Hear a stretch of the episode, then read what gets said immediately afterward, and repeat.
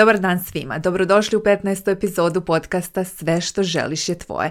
Moje ime je Sandra He, ja sam coach i voditelj ovog podcasta u kome se bavimo svim temama koje će vam pomoći da kreirate život baš onakav kakav želite. A današnja tema je jedna od onih koji sam se ja bavila jako dugo i kojom se i dalje bavim, pogotovo u svom radu sa um, klijentima i nešto što sam ja lično radila sama sa sobom. Ta tema se odnosi na da li smo sebični kada vodimo računa o sebi, koja je razlika između sebičnosti i ljubavi prema sebi, da li treba da volimo sebe ili treba uvek da obraćamo pažnju na druge i kako da napravimo balans između toga da volim sebe, a i da volim i druge, da volim sebe, a da ne budem sebična u isto vrijeme ta tema može da promeni vaše veze, može da promeni način kako vidite sebe, kako vidite svoje veze, kako vidite svoj život i kako doživljavate i ljubav i sreću i radost svom životom. Pa hajde da počnemo.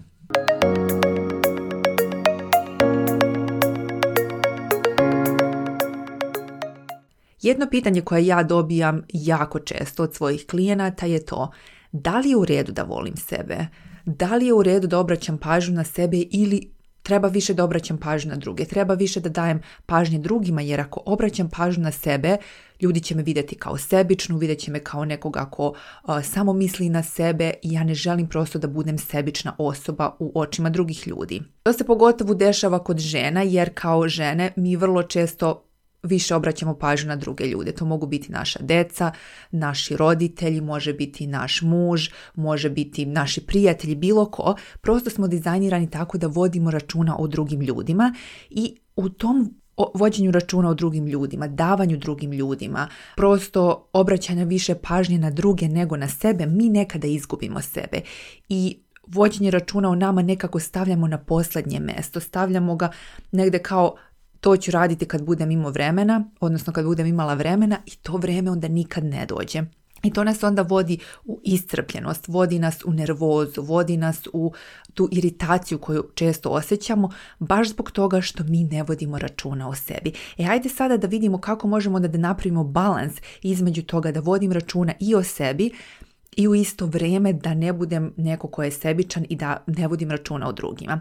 Prvo bih htjela da pričam o tome koja je razlika između sebičnosti i ljubavi prema sebi. Vidite i kada pričam o tome, ljubav prema sebi je vrsta ljubavi. Sebičnost nije vrsta ljubavi, to je potpuno druga vrsta ponašanja.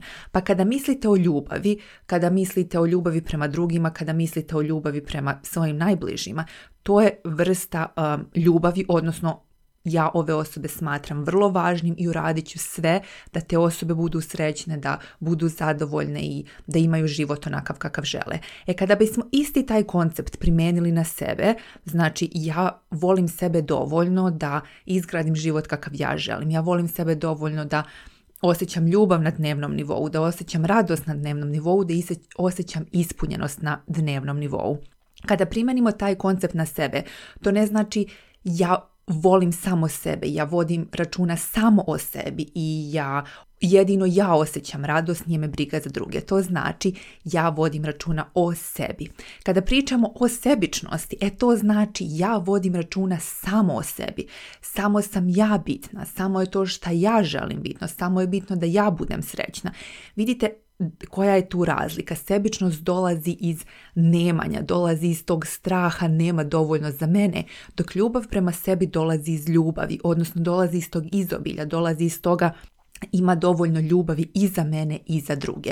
Potpuno je različita emocija između ova dva koncepta. Znači, sebičnost dolazi iz straha, a ljubav prema sebi dolazi iz ljubavi i iz izobilja.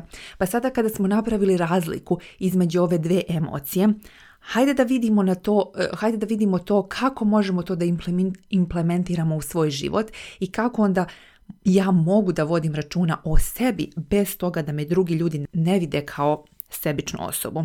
Ovdje postoji jedna metafora koju ste vrlo verovatno čuli, a to je metafora sa maskom za kiseonik u avionu. Znači, kada odem u avion, uvek nam kažu ako maska padne, prvo stavimo masku na sebe, pa onda na druge ljude. Jer ako mi ne vodimo računa o sebi, ako ja nemam kiseonik, ja ne mogu ni tebi da pomognem, ne mogu nikome da pomognem. Znači to je osnovna potreba nas da vodimo računa o sebi, odnosno da vodimo računa o tome da mi preživimo. Mi smo u biti bića koja prvo misle na sebe i onda daju drugima. Znači ako sam ja srećna, ako sam ja zadovoljna, ako ja imam dovoljno ljubavi, onda mogu i tebi da dam. Jer ako sam ja zadovoljna, prosto ima kao izobilje te ljubavi, kao kad zamislite čašu i iz te čaše sada preliva ta ljubav. E iz tog prelivanja ljubavi mi uvek možemo drugima da damo, mi uvek možemo drugima da pružimo. Znači ja sam toliko puna ljubavi da ja sad svima mogu da dam tu ljubav. Jer ljubav prosto raste nije nešto što je limitirano do određenog nivoa, uvijek je ima u izobilju. I sada ako sam ja srećna, ako sam ja zadovoljna, ja imam svega toga u izobilju.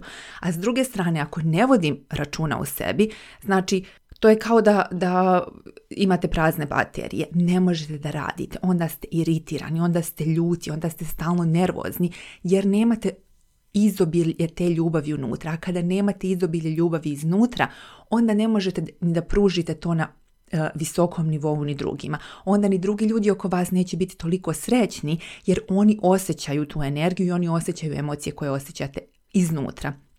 Tako da Najveći dar koji možete da date drugim ljudima jeste da vi budete srećni, da vi budete zadovoljni, da vi budete radosni i onda će i oni oko vas biti srećni i radosni. Zamislite, na primjer, decu koja posmatraju srećnu majku, radosnu majku, ispunjenu majku. Ta deca će isto biti radosna i zadovoljna, a deca koja, kod kojih je mama stalno nervozna i kad je ljuta i kad je iziritirana, ni oni neće biti srećni. Tako da uvek krećemo od toga da ja sebe ispunim, da dam ljubav prema sebi, da prosto ja živim radostan život i onda će biti za sve druge oko mene.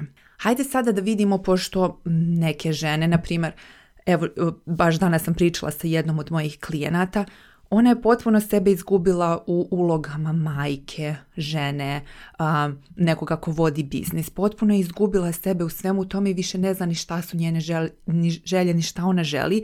I onda prosto ne može ni drugim ljudima oko sebe da da. da. I taj šablon ponašanja traje godinama, tako da je nekada jako teško izaći iz tog šablona i krenuti ka tome, ok, sada ću da vodim računa o sebi, sada ću da volim sebe i da ja osjećam radost da budem ispunjena da bih dala drugima. Jedna, postoji nekoliko vežbica i postoji nekoliko načina e, kako da krenemo, da, da volimo sebe, ali jedan od osnovnih načina koji možete bukvalno sada da krenete jeste taj da počnete da slušate kako pričate sa sobom. Koji jezik koristite kada pričate sa sobom? Na primjer, kada pogrešiš nešto, da li kažeš ja, glupaču jedna, šta si to uradila ili kažeš, ok, sada si pogrešila, sljedeći put ćeš uraditi bolje. Da li kada, ne znam, uvrediš nego kažeš, ja, kako si bezobrazna, kako si sebična, užasno se ponašaš ili kažeš, opraštam sebi za ovo ponašanje, vidim gdje sam pogrešila i sljedeći put ću raditi bolje. Da li vidite koja je tu razlika? Jedan, jedan je govor agresije, jedan je govor napadanje, jedan je govor kritike, a drugi je govor um, saosećanja i ljubavi. E kada bismo sa sobom pričali iz tog nivoa saosećanja i ljubavi, prosto bismo promijenili i kako se mi osjećamo i onda bismo promijenili šta dajemo drugima. Tako da je to jedna vrlo jednostavna vežba. Kažem nešto što možete sada da počnete da radite. Samo počnite da obraćate pažnju kako razgovarate sa sobom.